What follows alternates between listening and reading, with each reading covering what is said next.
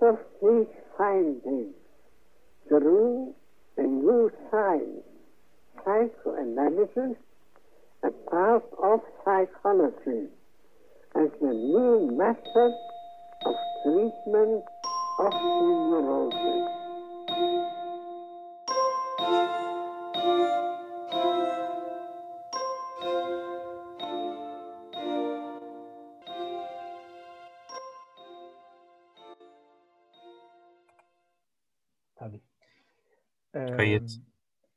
Batuhan kayıt böyle bir şey.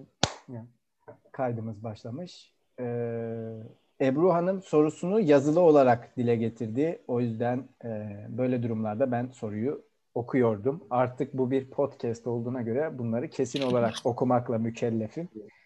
Evet. İstanbul'dan Ebru Hanım şöyle sormuş. Emin olamamakla birlikte kendi rüyanı yorumlama konusunu yorumun olgunlaşmamasına ve kontrolsüzlüğüne göre vahşi analize de açık buluyorum. Teori dili olmayacak ama objektiflik konusunda kendine yeterince dürüst ve merhametsiz olamayacağın gibi kendine merhametli de olamazmışsın gibi geliyor.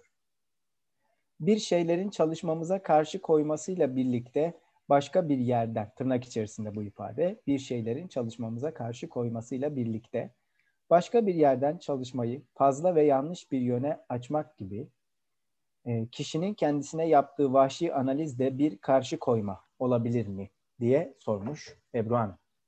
Teşekkürler Ebru sorun için.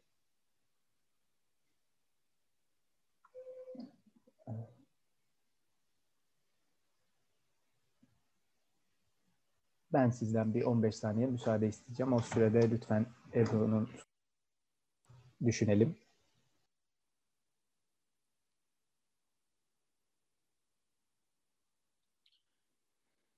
Yani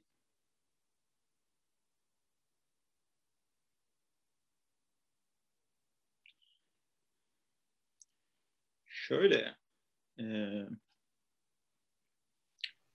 bunu cevabını elbette teoriden ya da atıyorum başka bir klinikten de verebiliriz ama en nihayetinde e, Freud okumanın en güzel, en keyifli yanı kendi analizinizde de gidebilmek. Zaten e, analizdeyken kendi rüyanızda yaptığınız yorum bazen farklı bir şey olarak ortaya çıkabiliyor. Ve analiste işte hani ben şey dedim ya Şahin işte kaşeletiyorsun, teyitletiyorsun yani. Analist bastım geç olmuyor. Hatta analist e, orada şöyle bir tutum sergiliyor. Sizin yaptığınız yorumda e, vurgularınızı alıyor. Tekrardan size veriyor. Alıyor, veriyor, alıyor, veriyor, alıyor, veriyor. Yani bu alıp verme analistin söylem, söylemi oluyor bir yandan. Yani buradan dört söyleme gidersek analistin içinde bulunduğu söylem, karşısındaki fail, hemen onun altındaki işte üretim, e, ister istemez Ebru senin dediğini e, söyleminde bir yandan da destekliyor. Yani bunları söyleyebilir. Hakikaten de oradaki vahşi analizmi ya da daha beter mi ya da senin demek istediğin galiba bir direnç mi karşı koymadan kastım. Evet. Teşekkürler Tarık. Ee, var mı ekleme yapmak isteyen? Tarık verdiği cevap ve Ebru'nun sorusu için. Batuhan yine kameraya yakından ve imalı bakıyor. Yani birazcık kendisi yani kendinle ilişki yani mesela Levinas bula, yani bulantı eserine referans yaparak kendinden kaçamam kaçamamak der. Yani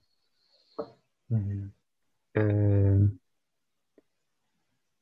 aklıma bir yandan onlar geldi e, açıkçası. Kişinin kendisine rapt olmuşluğu geldi.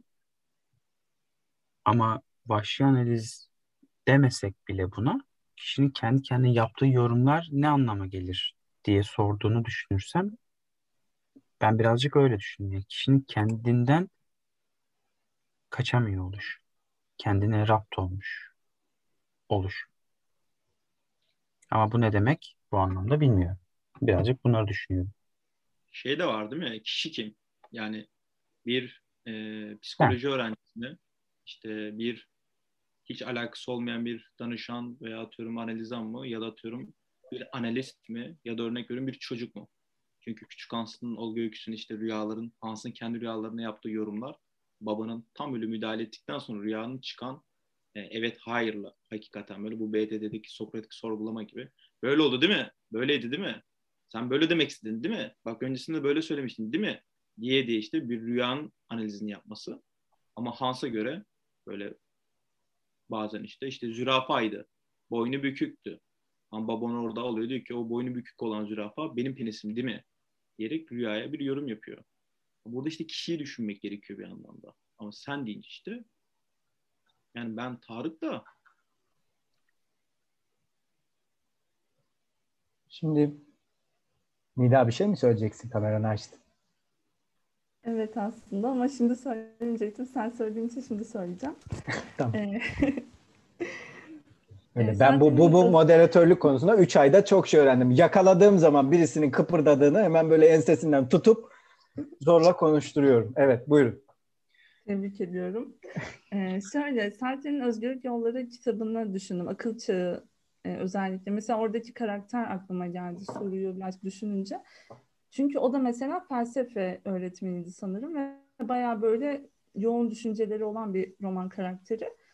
E, Belki o kitabı okuyarak da bunu düşünülebilir diye örnek vermek istemiştim.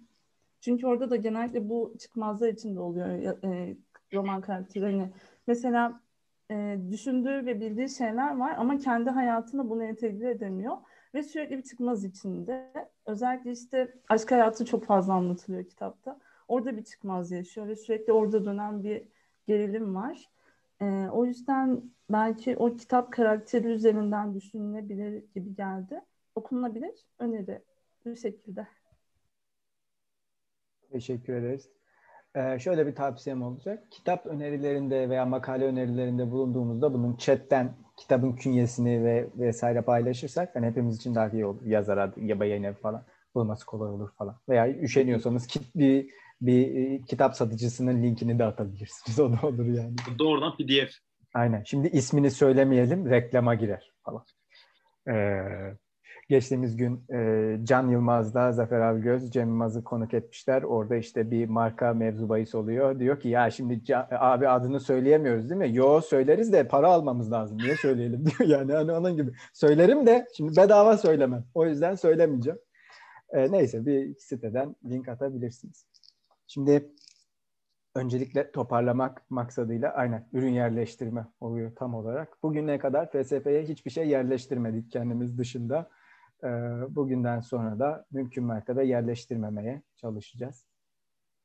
Ee, şimdi e, şunu, şu, şu şekilde e, toparlayabilirim. Öncelikle e, gelecek sayfalarda Ebru'nun e, sorusuna istinaden Freud zaten e, analiz işinin e, teoriden ibaret olmadığını çok açık bir dille söyleyecek. Yani hatta hani e, hastalarımıza işte e, serbest çağrışıma kendilerini bırakmadıkları noktada e, teoriye istinaden teori okumalarını öneride bulunabiliriz ama bu bir işe yaramaz çünkü kendimizde de işe yaramıyor. E, biz teoriye hakimiz ama en nihayetinde bizim analizimiz de çıkmaza girebilir diyor Freud.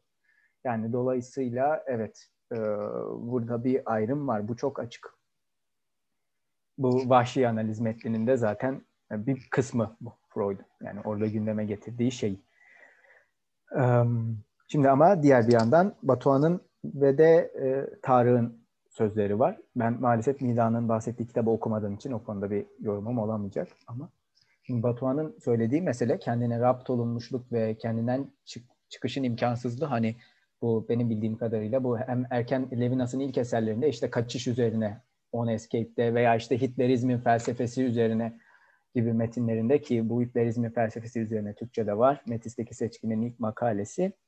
Yani Levinas orada hem e, ruh beden ilişkisini ele alırken diğer bir yandan da ilerleyen yıllarda aşkınlık mefhumunu işin içerisine soktuğunda hep aşkınlıktan bir ayağı e, öznenin kendisinde bulunan bir aşkınlık olarak bahseder. Yani hani çıkış çıkış yani ama bir yandan da hep böyle e, nasıl desem ihtiyatlı bir çıkış ya da hani böyle e, ekstatik bir hal değil yani hani öyle söyleyebilirim en azından mutlak bir çıkış veya geri dönüşsüz bir çıkış değil de öznenin daima bir ayağının kendisinde olduğu aslında o yani çıkışta bile sorumlu olduğu bir e, aşkınlıktan bahsediyor Levinas. Batuhan bir şey söylemek istediğin için durdum. Ee, geri dönüşsüz dediğin için oraya bir soru işareti koymak isterim. Çünkü bu önemli bir mesele. Yolculuğun geri dönüşlü ol- olması Hı hı. Yani geri dönüşsüz olması şeyin eee, burada iki yolculuk karşılaştırması yapıyor. Evet. Kitaptaki eee, yolculuk ve eee, kimdi gemici Yunan'da? Antik O, o, Odysseus'la İbrahim Evet. miydi kıyaslama? Aynen. Evet. İbrahim'in yolcu İbrahimi yolculuk geri dönüşsüz bir yolculuk. Ama bu bir ufuk olabilir. Dediğin çok doğru. Varlıktan çıkış hep bir ayağa varlığa basmak durumunda. Tek Hı hı. ayağı başkaya doğru. Ama yolculuk meselesi ilginç yani. Ee, Evet. Geri dönüşlü ve de- dönüşsüz yolculuklar. Yani tabii bu konudaki spekülasyonumuzu uzatarak buradaki tartışmamızı da e, şey yapmak istemem ama e, Odysseus'un hani ben bir uzmanı değilim. Ok, okum, yarım yamalakta okumuşluğum var Odysseus'u ama tüm badirelerine rağmen niyeti belli olan bir yolculuk. Odysseus'un yolculuğu. Hani varışı belli olan bir yolculuk. Yaşanan tüm badirelere rağmen. Hani badireler varışı imkansız kılabilir ama en iyi koşullarda nerede sonuçlanacağı belli olan bir yolculuk. Yani aslında kaderi çizilmiş olan bir yolculuk. Dolayısıyla e, burada e, kendini gerçekleştirecek kader var belki karşımızda. Çok amatör bir yorum olduğunu farkındayım. Kusura bakmayın. Ama örneğin bir çağrıya cevap vermekte, hani bir ayağı burada tutarken bir çağrıya cevap vermek ile müteşekkil olan bir aşkınlıkta bir gelecek ihtimali var. Ve bu kestirilebilir, öngörülebilir bir gelecek değil. Yani hani şöyle söylemek mümkün sanırım. Geçtiğimiz haftalarda bu rüya serbest çağrışımın yorumun başlangıcından bahsederken şöyle bir e, açıklamada bulunmuştum ben kendimce. Bu başlangıç başlangıç olmaya yazgılı bir başlangıç değildir. Ancak başlanmak suretiyle varlığından bahsedilebilir bir başlangıçtır bu. Şimdi bu bu türden bir aşkınlıkta da hani e, hem anarşik bir aşkınlık bu. Yani hani her türlü arkeye direnen, hafızaya alınamayacak bir aşkınlıktan bahsediyoruz. Yani aslında hani e,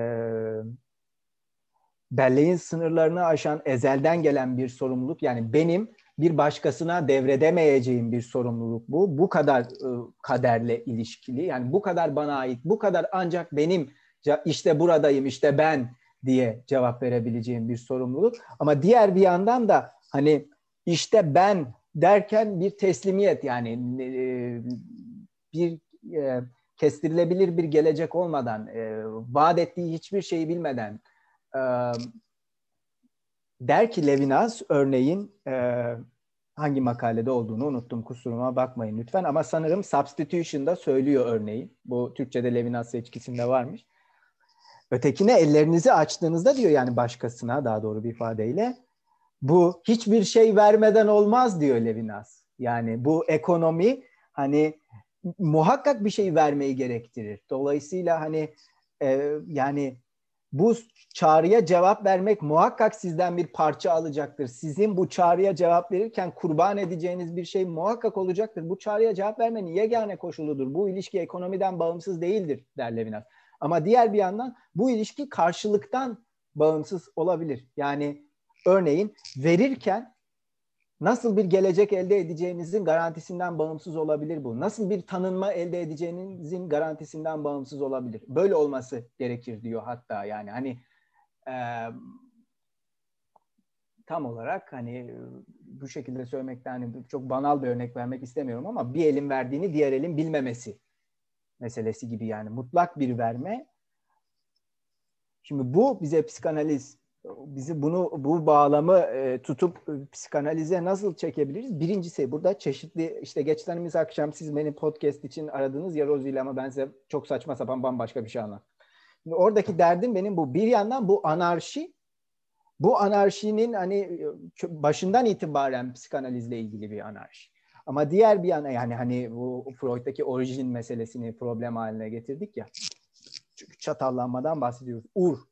Bu ur sözcük köküyle ilgili bir problemimiz var ya Freud'da. Ee, ama diğer bir yandan da e, meselemiz sadece e, bu anarşide orijinin belirsizliği değil. Diğer bir yandan geleceğin de bir o kadar anarşik ama bir o kadar da içerilemez olmaz.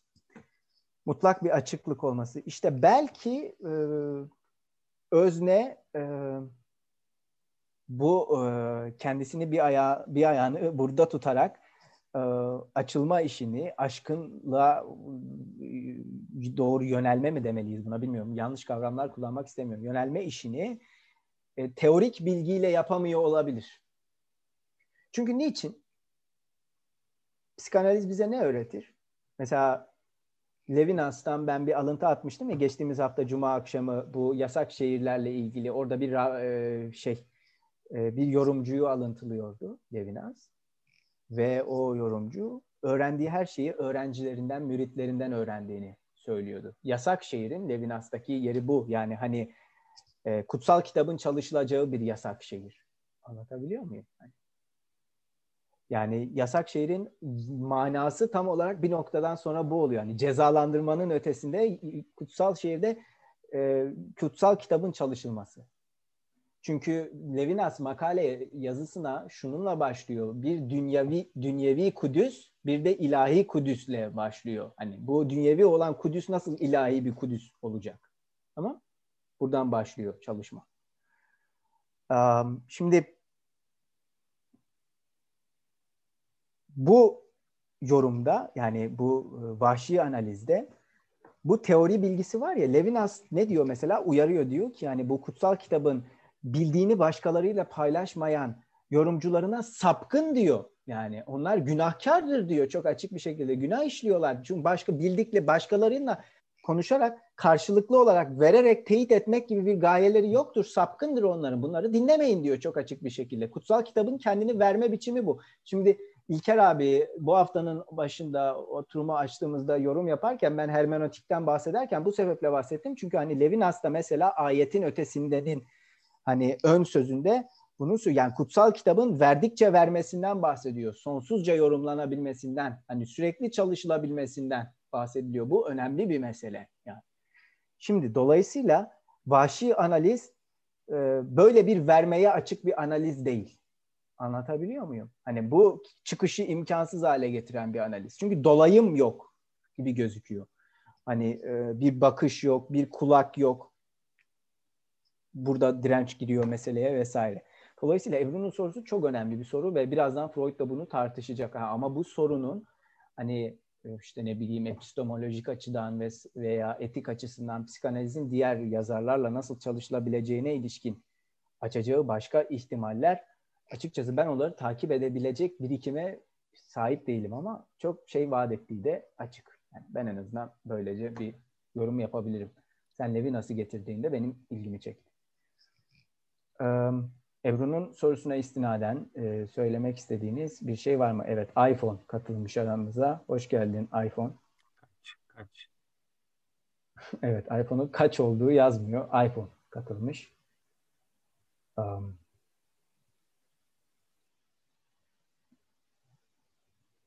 hmm, ne yapalım? Okuyabilirim, devam edebilirim arzu ederseniz. Peki.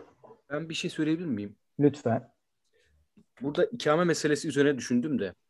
Şimdi bu tekrardan rüyayı anlattığımızda mesela şöyle bir şey diyor. Dolayısıyla belleğimiz yanılacak olursa bu sadece bu ikameyi bir kez daha çarpıtmış olduğumuz anlam olduğu anlamına gelir ki bu çarpıtmanın mutlaka bir nedeni vardır diyor. Şimdi ben de diğer konudan bir şey geldi aklıma. Bu kompleks meselesi vardı ya.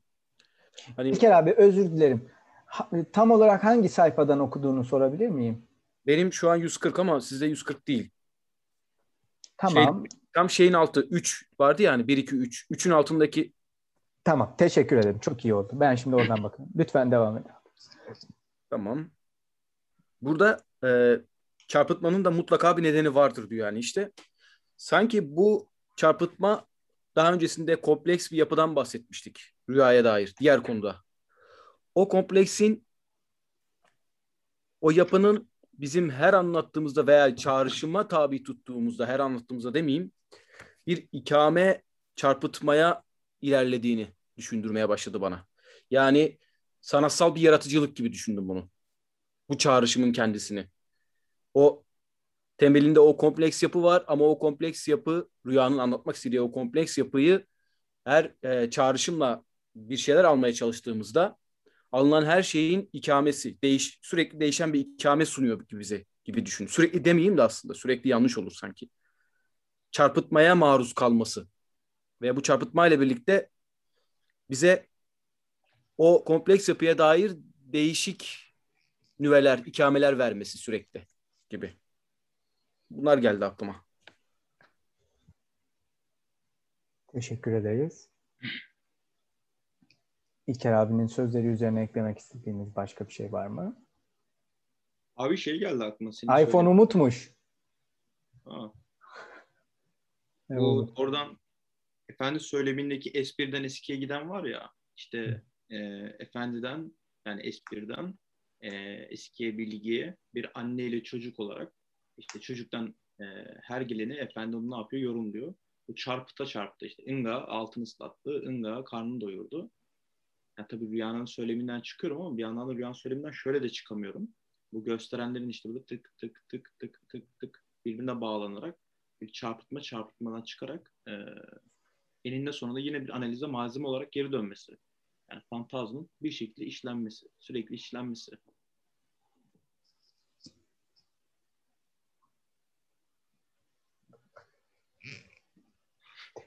Teşekkürler Tarık.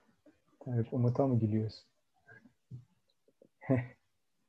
Kendi aramızda gülüşmeyelim ama. Ee, devam ediyorum. Çünkü ben ekranı ikiye böldüm şu an. Bir yarısında kitap, bir yarısında katılımcılarımızın yarısı var. Umut diğer yarıda. Yani bilgisayarımın bu tarafında. E, onun için sayfa değiştirmem gerekiyor. Umut'a gülersen takip edemiyorum. Umut'u buraya da alamıyorum. Alabilirim ama biraz uğraşmam lazım. Hem iPhone hem sigara Umut Acun gibi reklam almış demişler. Doğru. Umut isim yerleştirmiş kendisine. Ee, devam edelim. Ee, bu karşı koymaların çalışmamızın başarısını tehlikeye soktuğu açıktır.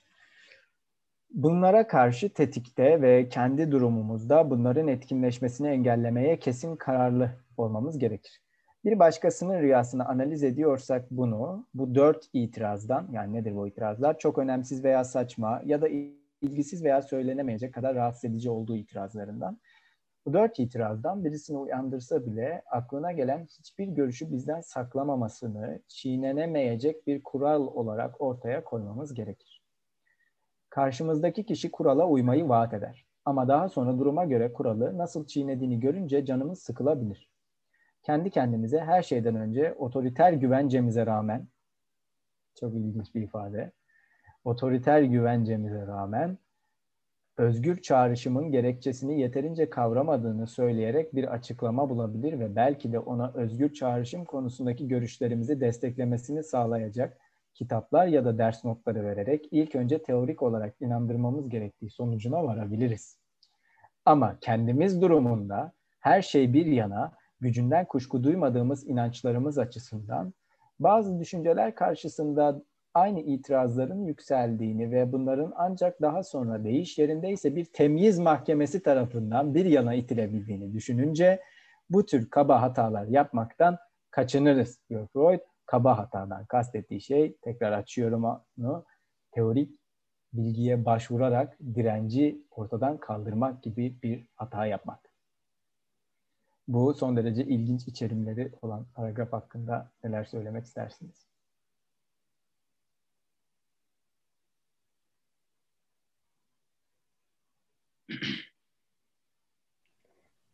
Ben başlayabilirim belki.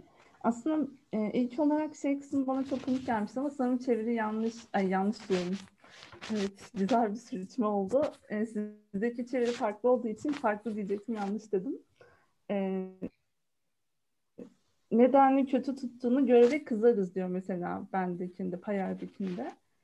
Kızarız demesine ben gülmüştüm. Hani danışana ya da işte hastaya oradaki karşımızdaki muhatabımızdan için kızıyoruz. Ve e, orası dikkatimi çekmişti. Bir de e, ona okuması için bazı şeyler veririz diyor. Mesela bu bana şey hatırlattı. Psikoeğitim hani yani zaten psikoeğitim muhtemelen buradan ortaya çıkmış olabilir. Aynı zamanda Şahin çevirdi işte yine Tarık Cemre de sanırım atıfta bulunmuştu. Hani psikoloji eğitimi ya da buradaki teorik eğitimi danışanların sanırım çocuk danışanları için diyordu çeviride öyle hatırlıyorum. Onların anne babaları ne kadar bilmeli, ne kadar bilmemeli birazcık onu da düşündüm. Yani buradaki şeyi okuduğumda o da aklıma gelmişti. Bu şekilde. Özür dilerim sıçtığım için. Şey ne de e, ilk önce bu anne babaların ne kadar bilmesi gerektiğini yine taze bir okumamdan cevap vereceğim. Küçük Hans. Yani baba analizi yapıyor. Burayı sadece bir kere görüyor. Yani bir kere değil? Bir de e, 19 yaşındayken tekrardan karşılaşıyor. Ama babanın psikanaliz bilmesi o analizi tamamlıyor bir yerden de. Buraya burada nokta koyayım. Sonra sıkı tutunun. Buradaki e, notu, bu otoriter güvencemize rağmen kısmını ben bunu e, psikanalist Mehmet Mansur'u soru olarak götürdüm süpervizyonda. Dedim ki işte yani gelen danışan bazen yani rüyasını anlatmıyor. Bazen işte e, lapsusuna sahip çıkmıyor. İşte ya da örnek veriyorum seansı sarkıtmaya çalışıyor. Psikanalizden bahsetmeli miyiz? Dedi ki bahsedince ne olur? Ne değişir? Şöyle düşünün dedi. Sizler dedi analize geliyorsunuz dedi. Hepiniz dedi yani cevhersiniz. Psikanaliz okuyorsunuz. Siz bunları yapmıyor musunuz? Yani siz dirençle karşılaşmıyor musunuz? Yani bunları siz de yapıyorsunuz. Bu sebepten dedi yani siz eğer psikanalizden bahsediyorsanız dedi zaten çoktan drop out olmuşsunuz dedi. Yani siz e, gidecek bir e, geminin arkasından el sallıyorsunuz dedi. Ha ben çalışmamın başında verirsem bakın ben böyle böyle psikanaliz çalışıyorum. Buraya getirin işte serbest çağrışımlar, işte atıyorum rüyalar ya da örnek veriyorum e, sizin e, ağzınızdan çıkanların bedelini ödemeniz konusunda e, bir iş birliğine davet ettiğim gibi uyarımlar yaparsınız da bence yine hiçbir şey değişmez dedi. Yani o yüzden Mehmet Mansur'un söylemesi tam da olarak e, burada şuraya gidiyor. Yani sizin ona kitap vermeniz, kuram anlatmasını, kuram anlatmanız yine bir şeyi değiştirmeyecek. Bir yandan da çünkü tırnak içinde bu arzu meselesi.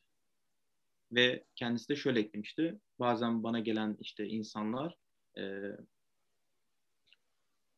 psikanalizle ilgili değiller ve gidiyorlar. Ve gittikleri için de üzülmüyorum. Çünkü yapı yani bu şekilde çalışmak istemiyorlar.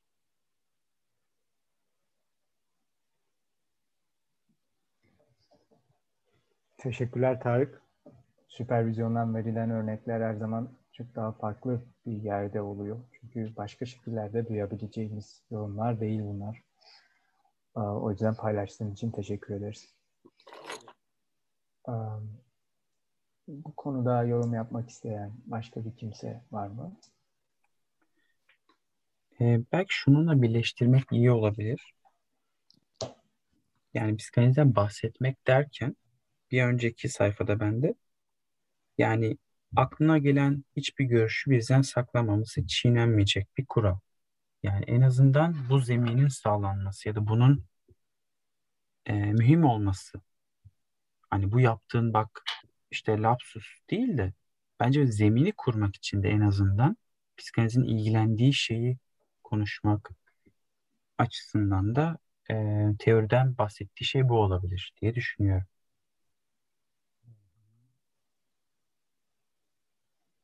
Hani kalkıp bu dersleri analizden anlatmak değil.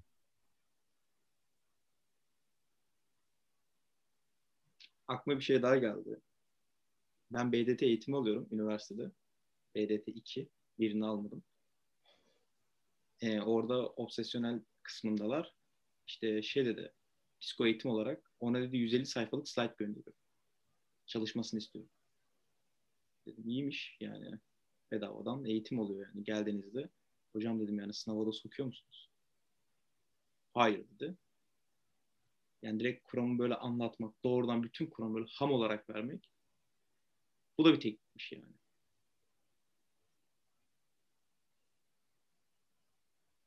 Ama senin dediğini de anlıyorum aynı. Yapı olarak.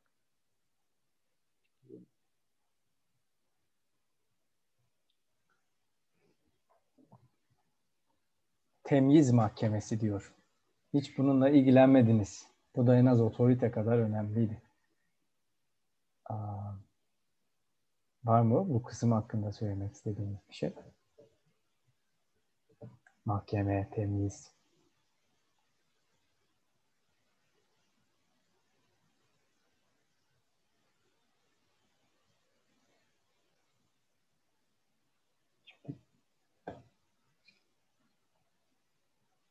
Doğruyu yanlıştan ayıracak bir hüküm diyor sözlük. Temyize gitmek.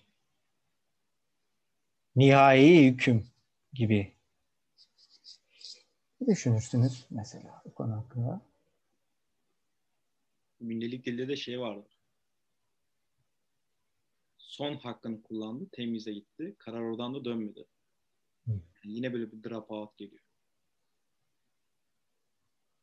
Şimdi bu mahkeme ıı, düşünüyorum. Bir yerde daha var. Geçen hafta size söylemiş miydim hatırlamıyorum ama Freud'un 1911'de yazdığı zihinsel işleyişin iki ilkesi üzerine makalesinde yine bir mahkeme var. Ve de olumsuzlama makalesinde burada ben de payel çevirisine riayet etmiyorum. Olumsuzlama makalesinde yine bir hüküm, bellek tarafından verilen bir hüküm var. Şimdi bu hüküm e, 1911'deki makaleye bakarsanız özellikle metapsikolojinin açılış makalesidir. E, Bu hüküm bu bu noktada temize gidildiğinde belleğin kendisine içkin kanıtlara dayanarak veriliyor.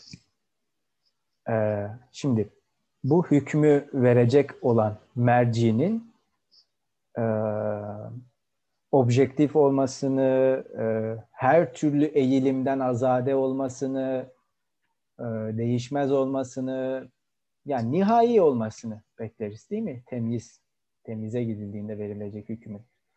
Ama 1911'den bile biliyoruz ki temyiz hükmü yani bellek aslında bize böyle nihai bir hüküm ya da şöyle söyleyeyim e, gerçeklik ilkesine e, bağlı keyiften tümüyle azade bir hüküm sunmuyor. E, buna da dikkat edilmesi gerekiyor olabilir. E, şimdilik bu kadarını söyleyeyim ama mahkeme önemli bir e, mefhum burada. E, geçtiğimiz hafta da bahsettiğimiz için hani çok üzerinde durmuyorum ama.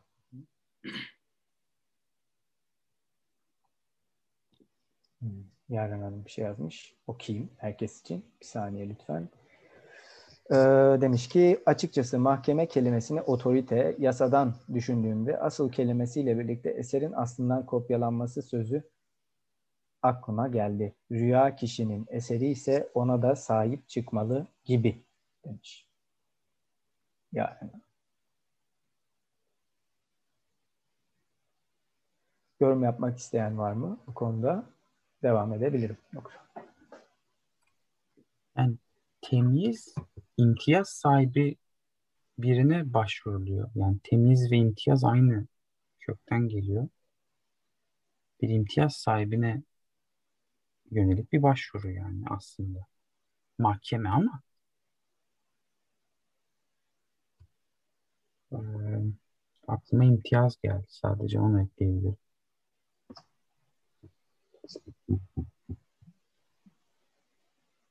İmtiyaz.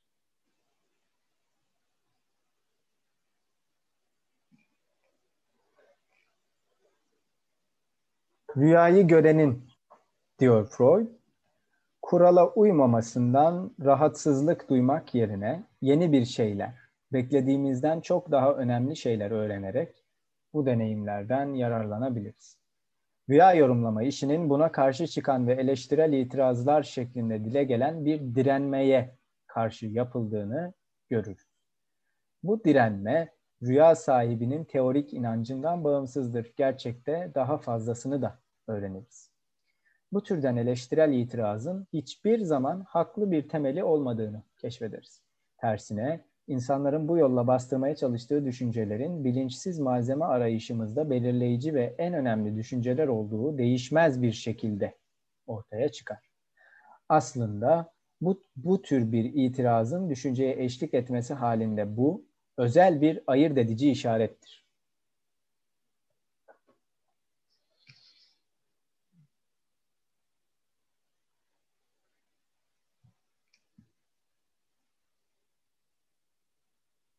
Devam ediyorum. Belki bu paragrafta biraz daha açılmış olur ve üzerine tartışabiliriz bu ikisini. Bu direnme tamamen yeni bir şeydir. Önermelerimizle ilişkili olarak karşılaştığımız ancak o kapsama eklemediğimiz bir olgudur. Değerlendirmemizde bu yeni etkenin ortaya çıkışı pek de hoş olmayan bir sürprizdir. İlk anda bunun işimizi kolaylaştırmayacağını düşünürüz. Bu rüyalara yönelik ilgimizden hepten vazgeçmemize neden olabilir. Rüya gibi önemsiz bir şey ve hepsinin de üstünde basit, dolaysız bir teknik yerine bunca zorluk. Ama öte yandan zorluklar bir teşvik unsuru da olabilir ve çalışmamızın çabaya değeceğini düşünmemizi sağlayabilir. Rüya öğesi olan ikame malzemeden ve bunun altında yatan bilinçsiz malzemeye ulaşmaya çalışırken sürekli olarak direnmeyle karşılaşırız. Dolayısıyla ikame malzemenin arkasına önemli şeylerin gizlenmiş olması gerektiği sonucuna varabiliriz. Aksi takdirde gizlemeyi sürdüren zorluklar başka ne işe yarayabilir ki? Bir çocuk sımsıkı kapattığı avuçlarını açmayı reddediyorsa yanlış. Yani elinde olmaması gereken bir şeyi sakladığından emin olabiliriz, diyor Freud.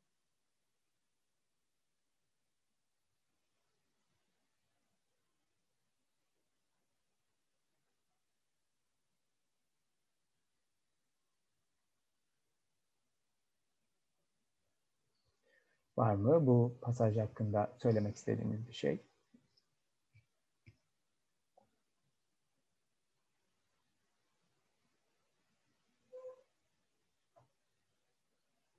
Hatice Hatun var. Burada yeni bir şeydir derken kastettiği şey ne? Ay hocanın şehadetinde. Biraz daha açabilir misin Arda söyledi. Bu direnmenin tamamen yeni bir şey olması. Evet evet orası. Bir bebesi oldu. Bu direnmenin tamamen yeni bir şey olması. Orada bir yenilikten bahsetmiş. Eski olan nedir diye sorasım geldi. Aslında bunun cevabını oturumu açarken ben vermiştim diye düşünüyorum. Geçtiğimiz hafta özellikle Yaren Hanım'ın yorumunu tartışmaya açtığımızda şunu konuşmuştuk. Henüz Freud dirençten bahsetmemişti. Şimdi burada ilk defa bahsediyor. Aslında burada Freud e, teorisinde bir yenilikten bahsediyor onu dinleyen kimseler için. Direnç burada e, denkleme dahil edilen yeni bir kavram. Daha önce bundan bahsetmemişti. Artık bunu da ele alması gerekecek. Hatırlayacak olursanız hani edim hatalarında da e, çeşitli itirazlar mevzu bahisti ama Freud bunu bir direnç adı altında hani henüz kavramsallaştırmamıştı. Tarık iyi akşamlar kendine çok iyi bak.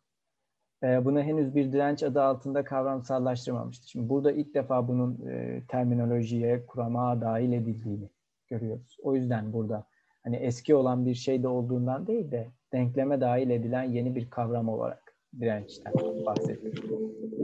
Tamamdır anladım şimdi. Teşekkürler. Rica ederim.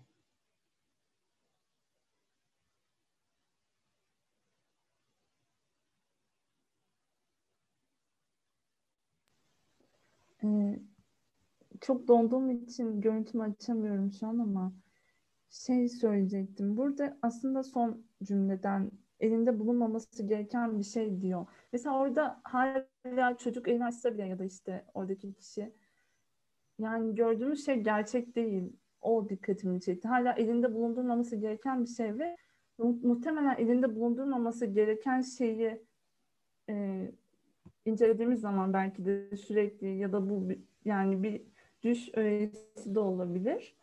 Bunun ardında sanki gerçeğe ulaşacakmışız gibi düşündüm.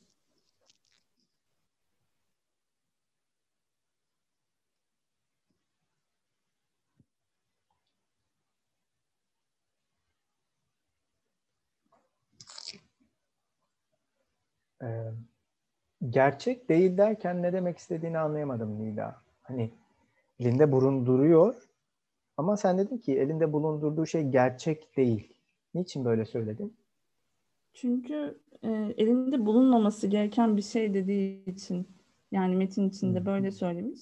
O yüzden demek ki elinde bulunmaması gereken bir şeyse bu biz hala şeyle karşılaşıyoruz. Gerçeğe yani gerçek bile değil belki de bambaşka bir şeyle orada karşı karşıya kalacağız. Ama bunu e, görüp sonradan gitmek yerine onu incelediğimizde aslında belki de işte e, düş yorumlamaya ya da işte ki orada altında yatan şeyi açığa çıkarmaya çalışacağız gibi geldi. Çünkü bulunmaması gereken bir şey dediği için ya da bilmiyorum farklı düşünceler de olabilir. Ben düşündüm. Benim ilgimi çekmesinin sebebi şu. E, elinde bulundurması yanlıştır demiyorsun. Elinde bulundurur ama gerçek değildir diyorsun ya. E, yani bu niçin ilgimi çekti biliyor musun? E, yani bulundurmanın yanlış olmasının burada biraz spekülasyon yapacağım. Belki bana başka katılımcılar yardımcı olmak ister. Mesela elimde bulundurmanın e, yanlış olması dolayısıyla bir e, içeriği örneğin tamam bastırıyor olmam başka bir şeydir. Elimde bulundurduğum bir şeyin gerçekliğini yok saymam, onu görmemem, onu hesaptan düşmem başka bir şeydir. Freud'da bu ikisinin tabi olduğu mekanizmalar birbirinden farklı. Yani bir noktada e, bir hesaptan düşmeden bahsederken diğer noktada bir bastırmadan bahsediyoruz. O yüzden senin bu kelimeyi tercih etmen açıkçası benim ilgimi çekti.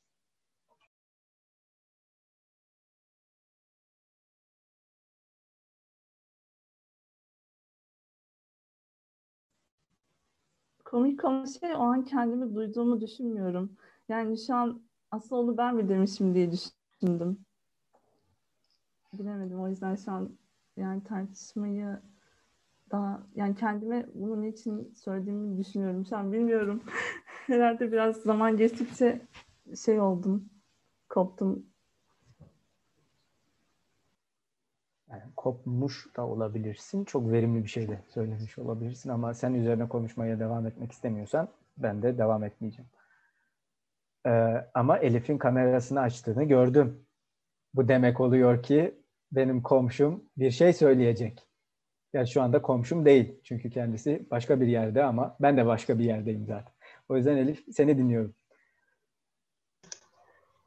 Ee, aslında bu oturumda böyle biraz çok katılamadım bazı yerlerde şey e, evdeki koşullardan dolayı. Hı hı. E, ama şöyle sadece bu bölümü de okurken narsizm metninde miydi yanlış hatırlamıyorsam e, Freud e, rüya içeriğini e, bozan aslında sansürlerle ilgili bir şeyden bahsediyor. Tam olarak o kısmı hatırlayamıyorum ama bir e, yani kitapta yanımda olmadığından dolayı belki hatırlayan varsa Örneğin e, yani, biraz daha açarsan ne, neyden bahsettin tam olarak? Belki yardımcı e, olabilir.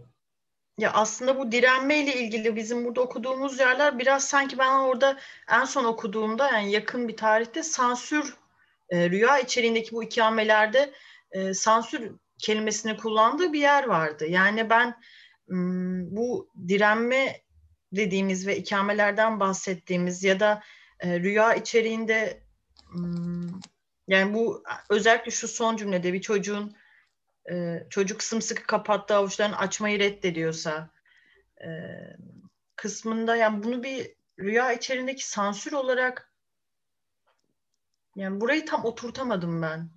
Bu direnme kısmını aslında galiba. Yani rüyayı anlatırken mi aslında hani işte kendi diyelim ki analizimizde gittiğimizde rüyamızı anlatırken e, Hani tekrar tekrar hatta bu rüyayı anlatırken bazı yerleri anlatmaktan vazgeçiyoruz. Hatta başka şekilde anlatmaya başlıyoruz. Ee, değişiyor. Hatta o değişimde biz bile hani o bu sefer bu ayrıntıdan bahsettim. Hani üzerine yoğunlaştığımız yerler sürekli değişebiliyor.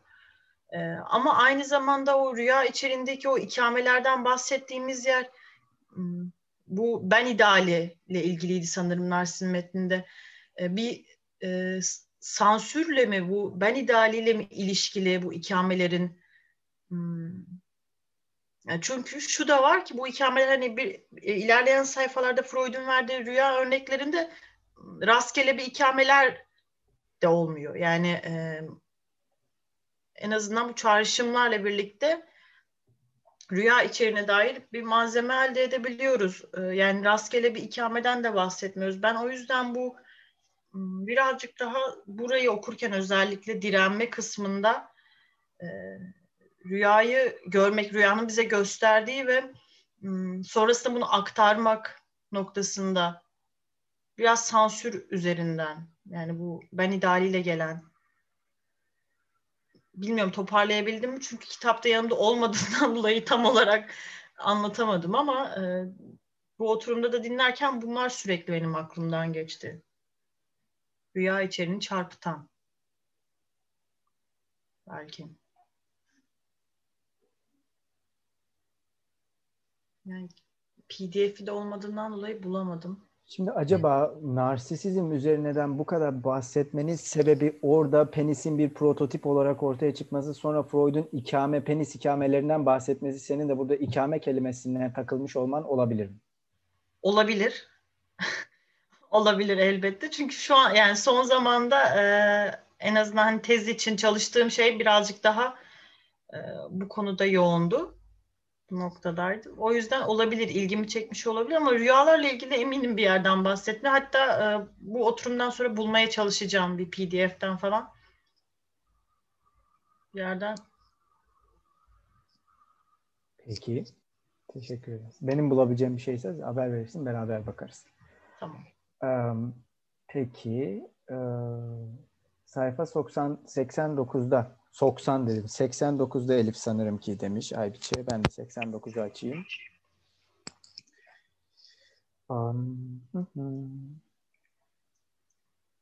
Umarım doğru metni hatırlıyorum. Ha, çünkü 89'da Aybiçe'nin böyle söylemesinin sebebi 89'da düş sansürcüsünden bahsetmesi Freud'un. Ee, ve de bu sensör bununla ilgili e, bir e, sensür sensör kelimesiyle ilgili, sansür kelimesiyle ilgili bir dipnot düşürüyor ve de işte dipnotta 26. konferansa gönderiyor bizi. Tam olarak senin de söylediğin üzere ego ülküsü ve vicdanın devingen seslerinde düş ah, evet. ayırt edebiliriz diyor bu. Evet evet öyle bir yerde doğru. Hı hı, tamam. Teşekkürler Aybiçe bu arada. Evet, 88 Payel baskısında zaten bu kitabı sadece Payel bastı diyecektim ama İdea'da bastı Aziz Yardım'la çevirisiyle. 88'in e, son paragrafı ve 89'un ilk paragrafı ilk kısmında e, Freud düş sansürcüsünden bahsediyor. Burada bundan bahsetmesinin sebebi işte ego ülküsü, vicdan, üst bene hazırlık e, olarak görebileceğimiz çeşitli kavramlar. Ve tabii ki yine Elif bu okumasını aslında hem bu sansürle hem de penis ikameleri ile belki de beraberce düşündüğü için narsisizm üzerine getirmesi buraya bence kıymetli bir yorum oldu. O yüzden biraz e, cebelleştim e, anlatmaya çalışırken ama e, Aybiç'e teşekkür ederim. Olsun. Sonuç itibariyle ezberden bahsetmeye çalıştım. Pek kolay bir iş değil. Ama teşekkürler Aybiç'e. Ben de teşekkür ederim. 88-89 tekrar söylüyorum. 2013 Payel baskısında. Um, var mı bu konuda söylemek istediğiniz başka bir şey yoksa devam edeyim mi? Ya yani niye çocuktan bahsettiğini soruyorum ama bence bir sonraki konferansta daha iyi anlayacağımızı düşünüyorum. Ben okumadığım için de bir şey diyemiyorum ama burada çocuk olmasının ayrı bir önemi olduğunu düşünüyorum. Yani çocukların belli ki almaması gereken bazı şeyler var. Ee, ya, ama hani bunu ilerletmek istemem daha fazla ama ileriki bölümde okuduğumuzda belki daha anlam kazanır. Peki. Devam ediyorum. Ya benim bu noktada önerebileceğim şey bu yani bu sımsıkı bana hep şöyle geliyor yani. Tamamen spekülatif bir şekilde. E, avucunu sımsıkı kapatmış bir çocuğun yani neredeyse avcı taşlaşmış bir çocuktan bahsediyoruz ve hani Freud'un bize bu 1914'te hatırlama, tekrarlama, derinlemesine çalışma ma- makalesinin tekrar zorlantısından ve dirençten bahsederken aslında bahsettiği şey bir e, çomaktır yani tekere sokulan bir çomak tekrar zorlantısının e, daha fazla vermeyi imkansız hale getirmesi ve işte e, sürekli kendi belki ekseni etrafında dönmesi serbest çağrışıma devamını imkan mümkün olmayan bir koşula sokması vesaire. Hmm. Ben burada bunu duyuyorum ama tabii ki mi? çocuk seçmesi çok daha ilginç.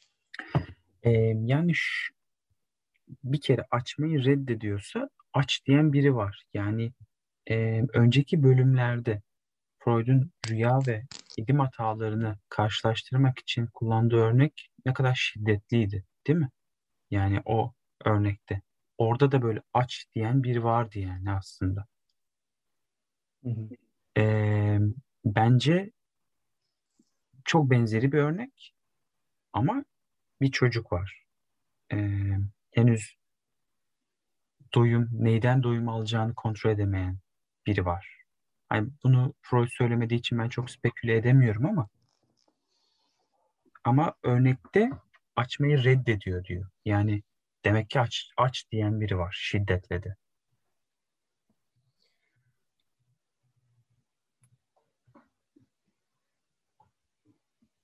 Teşekkürler Batuhan. Bence önemli bir yere Ben bir söyleyeceğim. dikkat çektin. Lütfen Umut. Umarım sesim iyi geliyordur. Çok iyi. Ee, yani biraz böyle çok eski bir örnek tabii. Şöyle bir tarafı var. Bu hem sansürlendi hem ikamelendi ya.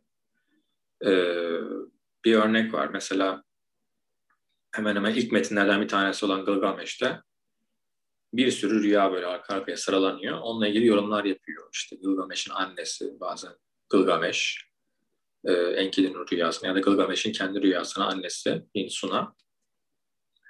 Onlarda bile yani ilk ne denilir e, 2000 belki 4000 yılı falan olmuştur o rüyalar görüleli.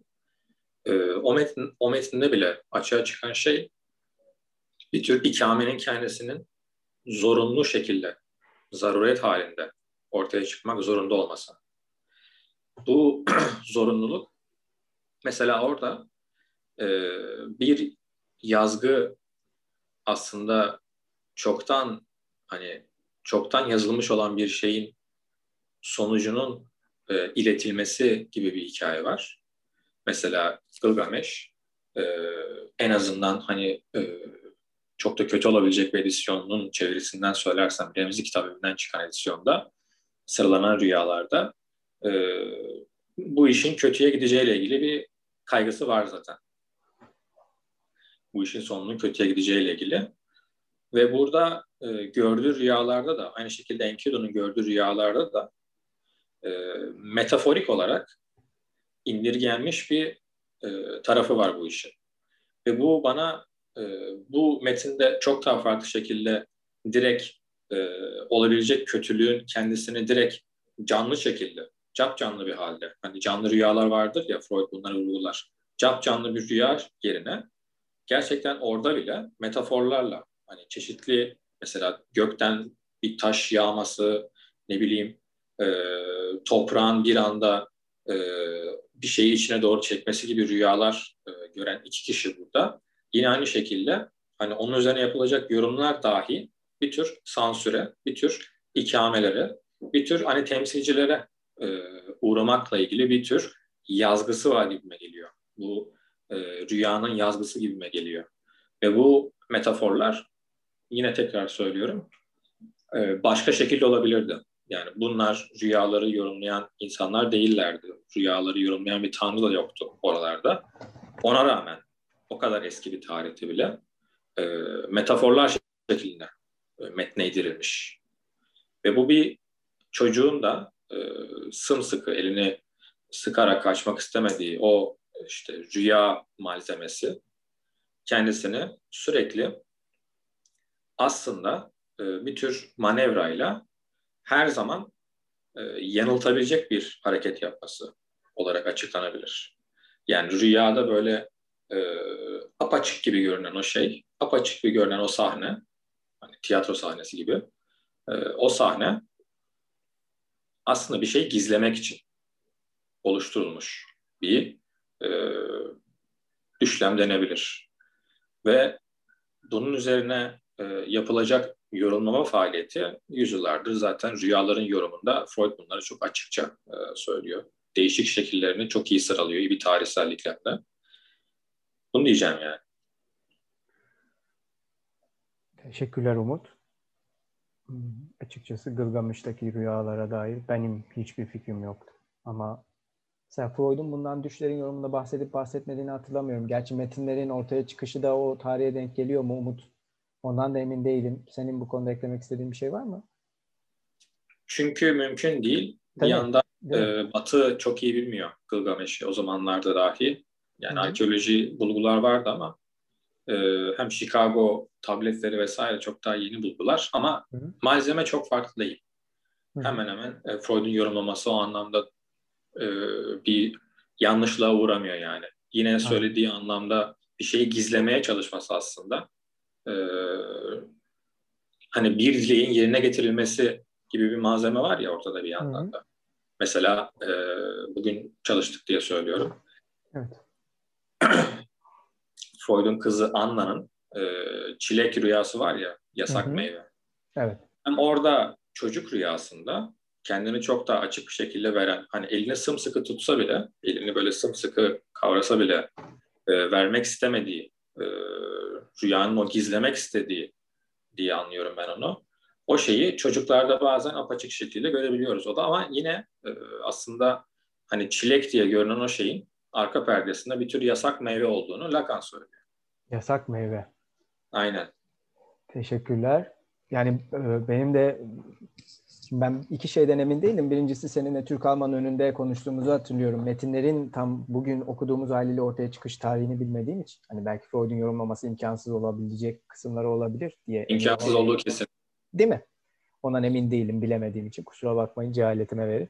Diğer bir yandan hani acaba e, nasıl düşünürdü e, diye sormak da daima okuyucunun hakkı ama diğer bir yandan da nasıl düşünürdü diye sormak yerine bu sorumluluğu okuyucunun alması da senin yaptığın şey oluyor. O yüzden böyle bir sorumluluk aldığın için de teşekkür ederiz. Yani ben kendi adıma teşekkür ederim. Kıymetliydi yorumun. Ee, buraya getirdiğin şey. Ee, Şimdi sen konuşurken Aybiç'e bir, bir soru yazmıştı. Daha doğrusu fikrini beyan etmişti. Çocuk hususunda onu okuyayım herkes için. Dedi ki Aybiç'e, acaba çocuk açamaz mı, aç, açmak istemez mi gerçekten avucunu demiş. Direncin aktarımla ilişkisini düşünürsek, aktarımın yorumlanışıyla olan ilişkisini yani, acaba istediği açı duymak mıdır demiş Aybiç'e. Ve de aslında burada açmak, Batuhan çok güzel bir şekilde hani eğer açmak istemiyorsa ona yöneltilmiş olan bir aç talebi vardır, bir belki emri vardır diye bir, bir yorumda bulundu Aybiç'e de. Acaba çocuğun buradaki e, hem bu emiri hem de çocuğun niyetini bir soru işareti haline getirip buradaki direnci acaba aktarımla nasıl bir ilişkiye getirebiliriz diye yorumlayabileceğim en azından bir soru sormuş. Teşekkür ederim. Ee, var mı? Batuhan sanki bir şey eklemek istiyor gibi baktın yine kameraya. E şöyle, e, Bruce Fink'in Lacancı psikanalize girişin başlarında söylediği bir şey geliyor aklıma. İnsanlar e, analize terapiye niye gelir? Hı hı. E, belki çocuk o elindekini e, saklamayı sürdürmek için gelir mi? Yani açı e, açmak için gelmez diyor kitabın başında. E, açı duysa da. E,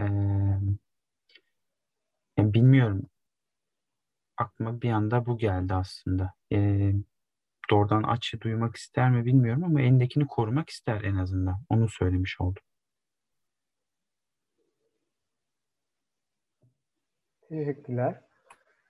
Ee, Benim önerim şudur. Sizin için de uygunsa Aybiç'e sana da teşekkürler bir kez daha. Ee, Bu son bu sayfanın sonundaki bir paragrafı da okuyayım. 153'ün sonundakini. Sonra bu hafta için son vermiş olabilir. Sizin için de uygunsa yaklaşık 2 saat 20 dakikadır beraberiz. Ara verdiğimizi düşecek olursak.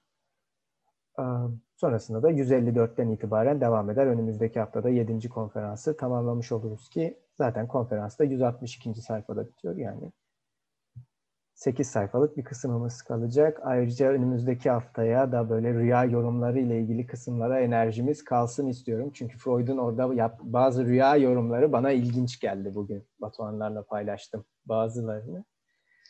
Ee, Durmaz abi gitme. Bir paragraf daha okuyacağım. Hemen teşekkür ettim. Gitme sakın bir yere. Buradayım buradayım. Ha aman abi etme. Yok yok.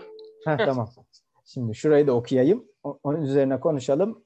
Sonrasında hani bu sayfamızı bitirmiş olalım. Şöyle söylüyor Freud. Devam ediyor. Dinamik direnme görüşünü işin içine kattığımız an bu etkenin nicelik açısından değiştiğini de düşünmemiz gerekir. Direnme yoğun veya hafif olabilir. Çalışmamız sırasında bu farklılıkların kendini göstermesine hazırlıklı olmamız gerekir.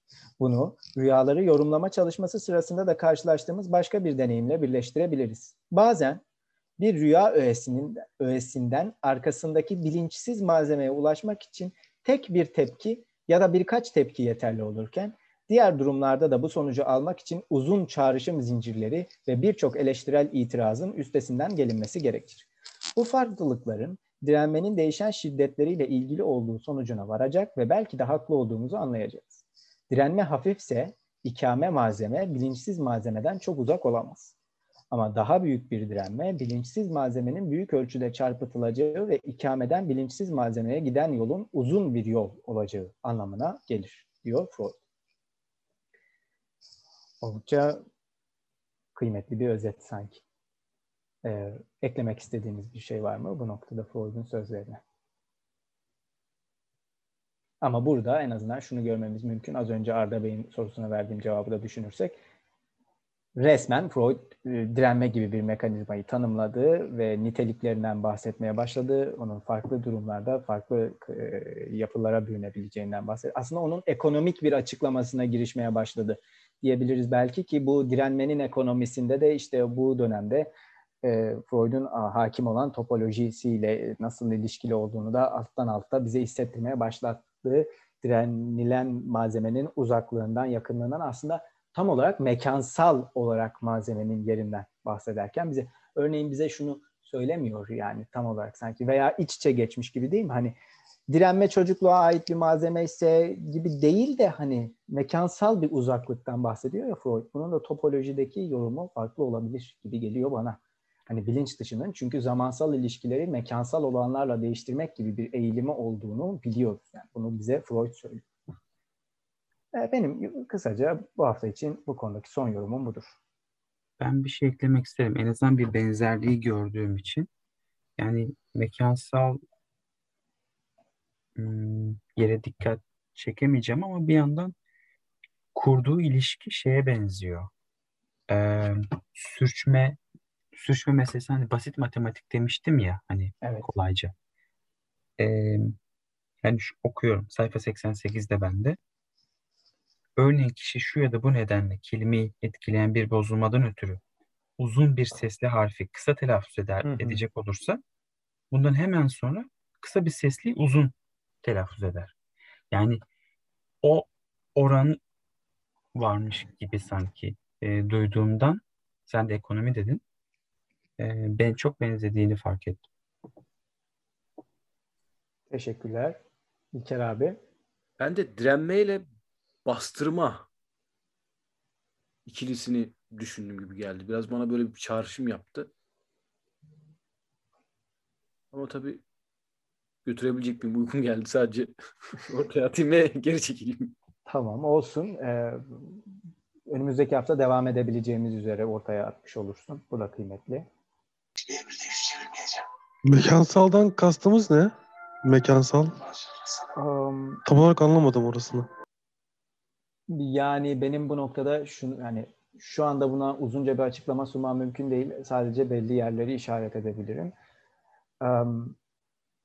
Bana soracak olursan hani bu bilinç dışının bir dil gibi yapılanması hadisesi var ya.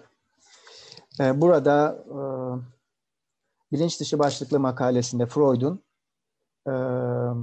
Bilinç dışı sistemin özel nitelikleri, iki sistem arasındaki iletişim, bilinç dışının değerlendirmesi başlıklı üç başlık var. Son üç başlık. Burada Freud e, topolojideki kayıt farklılıklarından bahsediyor. Farklı temsil işlerinden bahsediyor.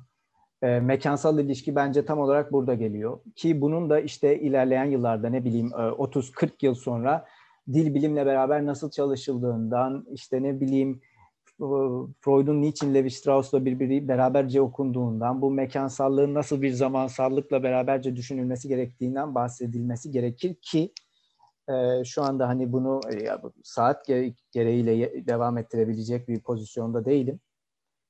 E, bir de tabii ki yeni giriş konferanslarından bir alıntıydı aslında bu söylediğim. Freud bunu doğrudan söyler. Zannediyorum o 33. konferans mıydı emin değilim kontrol etmem gerekir. Hani zamansal ilişkilerin mekansal olanlarla değiştirildiğini söyler Freud. Çünkü bilinç dışının zamansız olduğunu biliyoruz. Zamansız olması mekansız olduğu anlamına gelmiyor. Peki mekan o, o halde neye tekabül ediyor? Yani bir uzamı nasıl duymayı, duymalıyız Freud'da? Ee, bence onun yolu da ekonomik açıklamalarından geçiyor olabilir Freud. Bu yüzden belki de bilinç dışı bir dil gibi yapılanmıştır demek mümkün oluyor ilerleyen yıllarda başkaları tarafından. Ee, şimdilik böyle bir özet sunayım. Belki önümüzdeki hafta buradan itibaren devam edebiliriz. Anladım. Teşekkürler. Rica ederim.